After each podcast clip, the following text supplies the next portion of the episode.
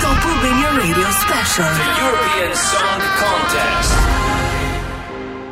Në detin e pafundëm të mendimeve tona, shpesh është vështirë të gjesh një ide të mirë, një ide të suksesshme.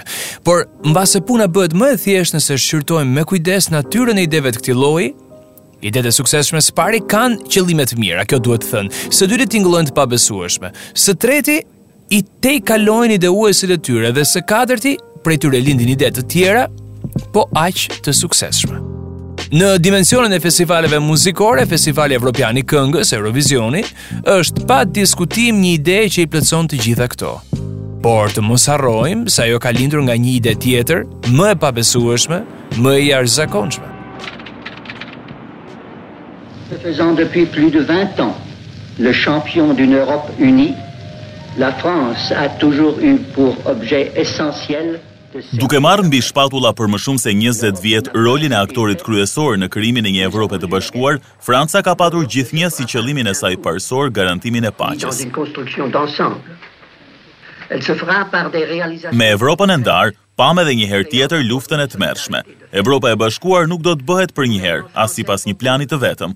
Ajo do të ndërtohet bazuar mbi arritje konkrete, të cilat fillimisht do të sjellin një solidaritet de facto. Zonja e zotërinj, miq të Top Albanias, mirëmbrëma nga unë Senaldo Mëhilli sigurisht dhe nga miku im Saix gjithashtu dhe mirë se vini në këtë program special që i dedikohet i tëri Eurovizionit, spektaklit më të madh të muzikës evropiane dhe një ndër evenimenteve më të ndjekura jo sportive në botë. Por nuk janë këto arsyet pse Festivali Evropian i Këngës është aq i rëndësishëm. Përkundrazi, më shumë se audienca e tij, që pa diskutim garanton sukses, domethënien ky festival e ka te gërshetimi i botës së artit me atë të politikës.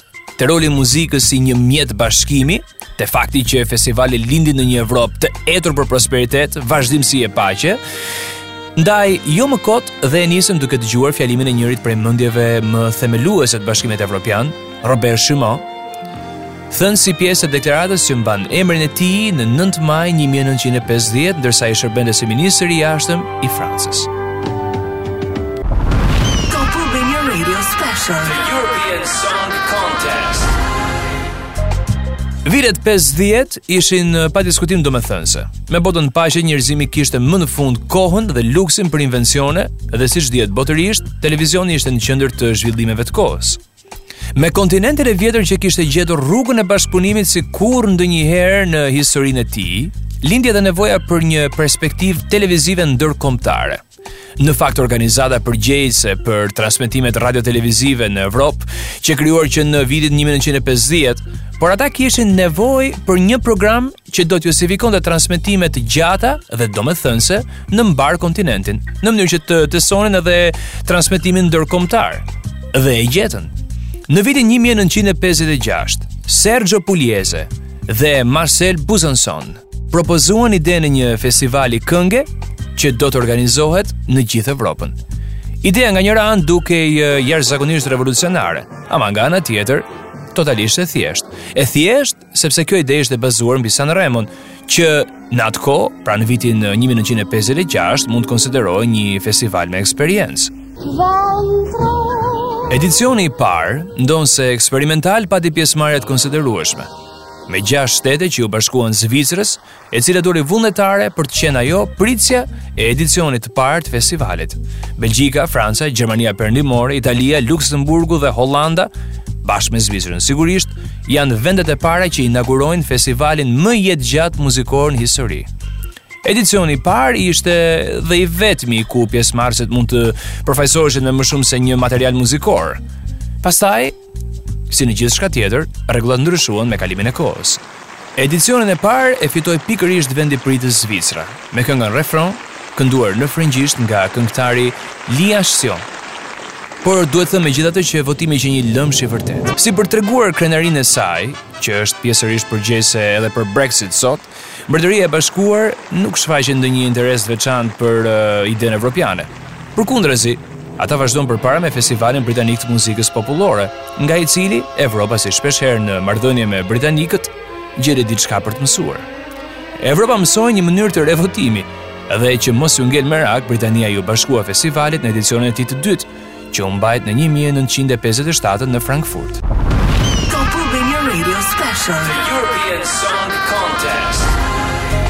Nga edicioni i dytë, vendoset se vendi fitues ka automatikisht përgjegjësinë për të organizuar edicionin pasardhës, por anglezët u përjashtuan edhe nga ky rregull.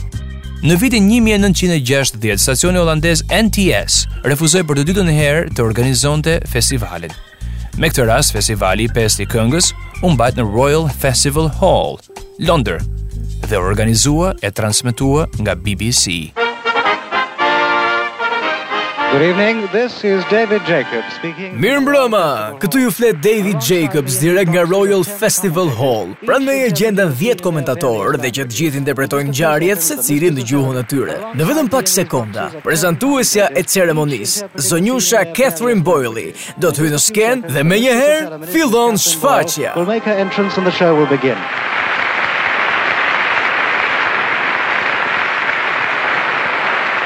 Sonte ky program transmetohet në jo më pak se 14 shtete të ndryshme.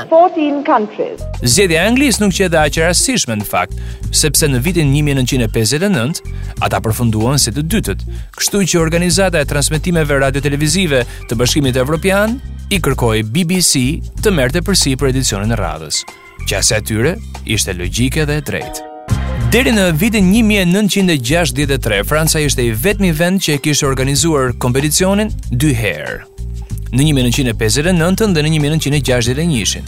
Por ishte Franca që fitoi kompeticionin e vitit 1962 me të famshmen Isabelle Aubret dhe këngën e saj Un premier amour.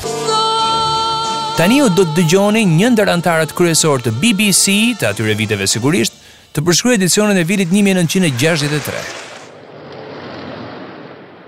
France had won twice and uh, really couldn't take it on again. Franca kishte fituar dy herë dhe RT nuk e mori më përsipër organizimin dhe transmetimin e festivalit. Atëherë BBC u vetofrua dhe tha, "E bëjmë ne këtë punë." Sepse tani kemi një set të ri studiosh që po i ndërtojmë për qendrën tonë televizive dhe si të thuash, ata donin t'i shfaqnin këto studio kudo. Besoj se ky edicion ishte i vetmi në historinë e festivalit që u zhvillua brenda një studioje televizive. Viewers in the United Kingdom will recognize this building, but it'll be less familiar to the 75 million viewers from 17 other European countries. Kështu që vendosëm t'i shfaqnim studiot tona, veçanërisht gjatë hapjes së festivalit, dhe e filmuam qendrën televizive në mbrëmje nga lart me ndihmën e një helikopteri.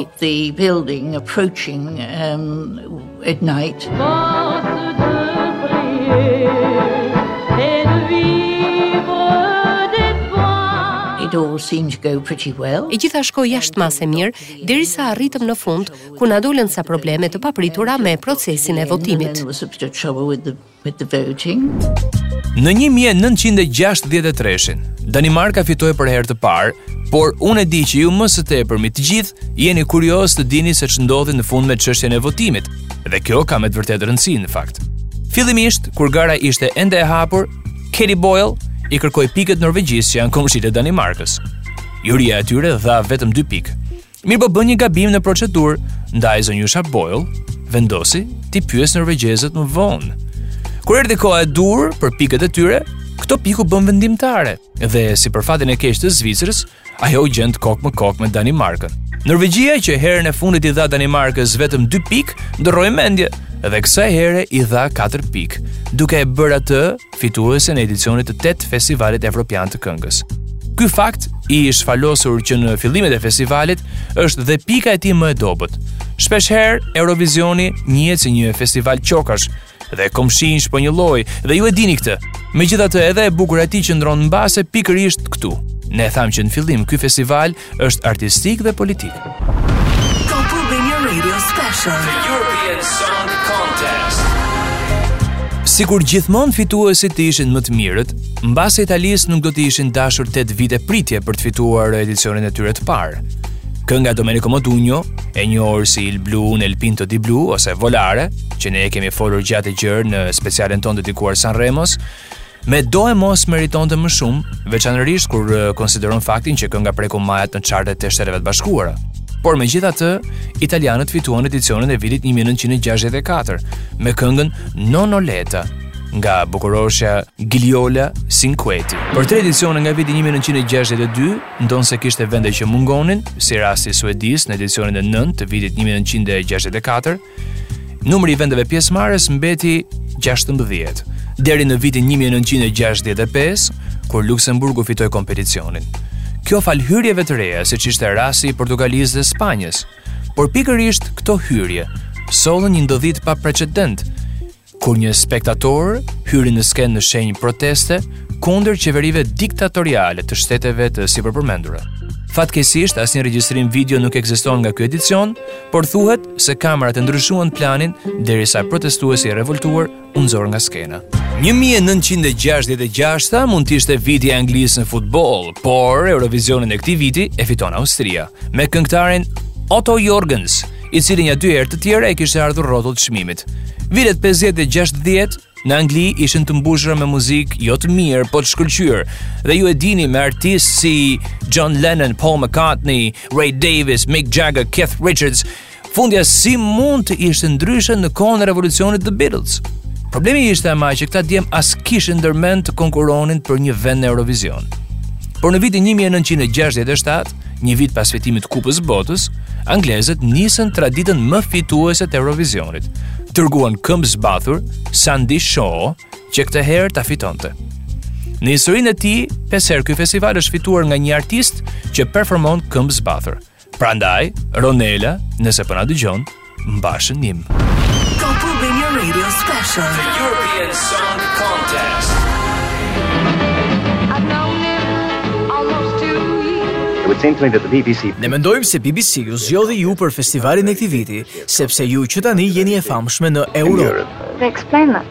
Kur më zgjodhën, ata më shpjeguan se kishin nevojë për një artiste të re që përfaqësonte mirë muzikën pop, dhe unë besoja se isha më e mira në këtë aspekt.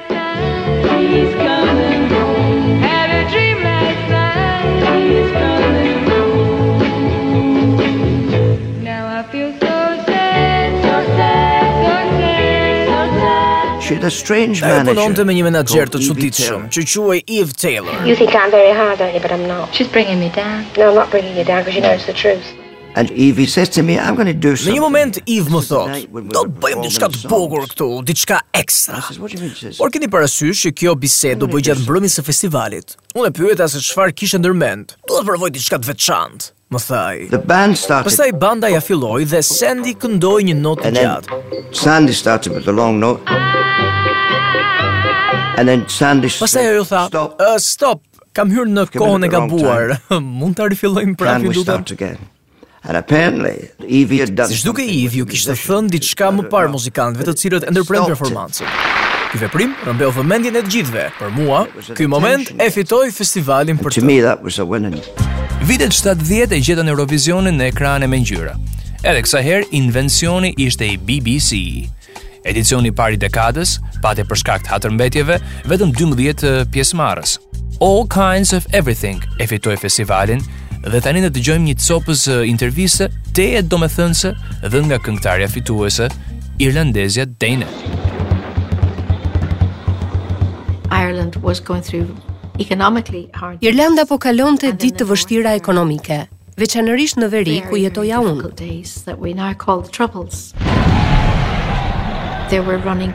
Kishte luftë çdo ditë. Njerëzit ishin të tmerruar. Në gazeta anembanë botës, gjithkush lexonte për Irlandën e kohës sime. Kohë telashesh, lufte dhe tensioni. Ishte kohë ndodhish të tmerrshme. The song was very like a folk song. Kënga ishte tamam një këngë popullore dhe unë isha këngëtare e muzikës popullore. E kishin shkruar dy kompozitorë amatorë që punonin për një gazetë të Dublinit. Edhe unë isha amatore, isha ende në shkollë. I was at school. I had to go to Amsterdam with Më kujtohet se duhej të shkoja në Amsterdam me librat e shkollës në valixhe. S'i hapa asnjëherë, por të paktën i mora me vete. Ndihesha komplet e huaj. Did I think it would win? A besoja se do të fitoja? Kurrë! Sepse mendoja që nuk mundesha. Und wenn sie schon glaube Katja Ebstein. Katja Ebstein këndoi për Gjermaninë. Julio Iglesias sang for Spain. Julio Iglesias këndoi për Spanjën.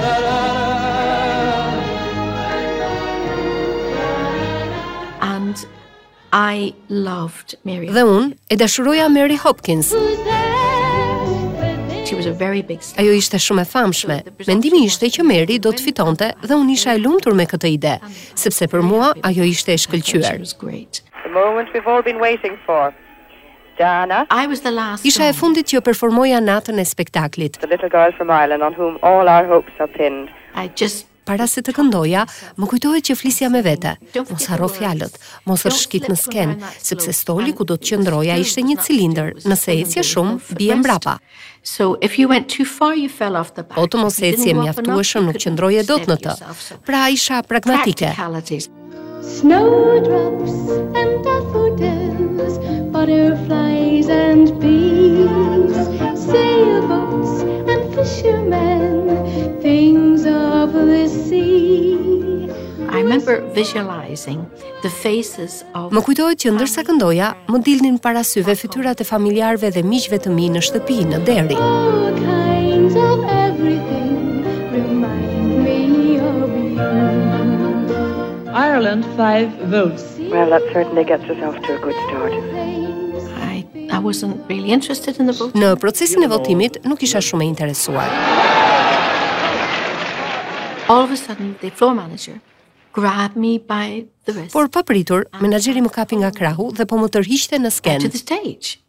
And Ireland has won. And I'm pulling against him. Unë nuk po e lejoja. Pastaj ai më tha, Dana ke fituar. Eja me mua. Si mund të kisha fituar unë? Por pastaj edhe Mary Hopkins tha se kisha fituar unë. Our own Dana has won the Eurovision Song Contest. From then on, dhe që andej e tutje jetova një eksperiencë fantastike. Viti 1973 ishte viti kur Izraeli mori pjesë për herë të parë Dhe ky edicion mbahet mend si një edicion i ngarkuar, i tensionuar për shkak të rrezikut nga terrorizmi sigurisht. Aq i lartë ishte tensioni sa forcat e sigurisë u kërkuan spektatorëve të mos çoheshin në këmbë kur duartrokisnin, ndryshe mund të qëlloheshin. Por edicioni i vitit 1974 është një ndër më domethënësit. sepse në të morën pjesë ata të katërt, grupi i magjishëm ABBA! ABBA kanë publikuar për herë të parë këngë në vitin një mijë e nëntëqind e shtatëdhjetë e dy dhe nëse gjithë anëtarët e jurisë do të ishin burra, që nuk janë, jam i sigurt që ky grup do të merrte më shumë vota dhe për pak e kuptoni përse. Kënga e tyre quhet Oh, oh, oh, ja dhe Napoleon. Jo më kot kënga e tyre quhet Waterloo. Ky që shihni është Sven Olof Walldoff, i veshur si Napoleoni. Pra, Waterloo nga ABBA, përfaqësuesit e Suedisë, këtë dëgjojeni me kujdes. Në vitin 1978, Pjesë e një festivali politiko-muzikor bëhen edhe vendet e botës arabe, të cilët shprehen dukshëm pakënaqësinë e tyre ndërsa Izraeli fiton Eurovisionin e 23. Jordania për shembull ndërpreu transmetimin sapo bëhet e ditur që Izraeli është pretendenti kryesor për fitimin e festivalit. Vitet 80 e shndërruan Festivalin Evropian të Këngës në një festival dance. Por ne ndahemi këtu. E po, vetëm për sot, se surprise, ky program do të ketë dy episode. Vetëm kështu mund të flasim siç duhet për Eurovisionin. Megjithatë, unë dua ta mbyll këtë program duke e trajtuar një ngjarje shumë të rëndësishme të festivalit, që ishte aq sa muzikore edhe emocionuese, edhe politike, edhe njerëzore. Jemi në vitin 1982 në Harrogate, Britani. Anglezët e kishin fituar festivalin e një viti më parë, e 1981-shit me këngën Making Your Mind Up të Bucks Fizz. Në edicionin e 27 të festivalit, Gjermania përfaqësohej nga një këngëtare në atë kohë modeste dhe nga një këngë tejet e qetë. Por kjo këngë fliste për paqen, dhe Nicole, vajza që e këndonte, e performoi atë në pesë gjuhë të ndryshme. Gjermania u bë fituese për herë të parë, por në këtë rast ata u nderuan me 12 pikë nga juria izraelite. Mbase ky moment i mrekullueshëm kulturor ishte falja e madhe e krimeve të një diktatori, që gjithmonë mbeten barrë e popujve. Faleminderit shumë që qëndruat me ne, me mua dhe Saix dhe natën e mirë.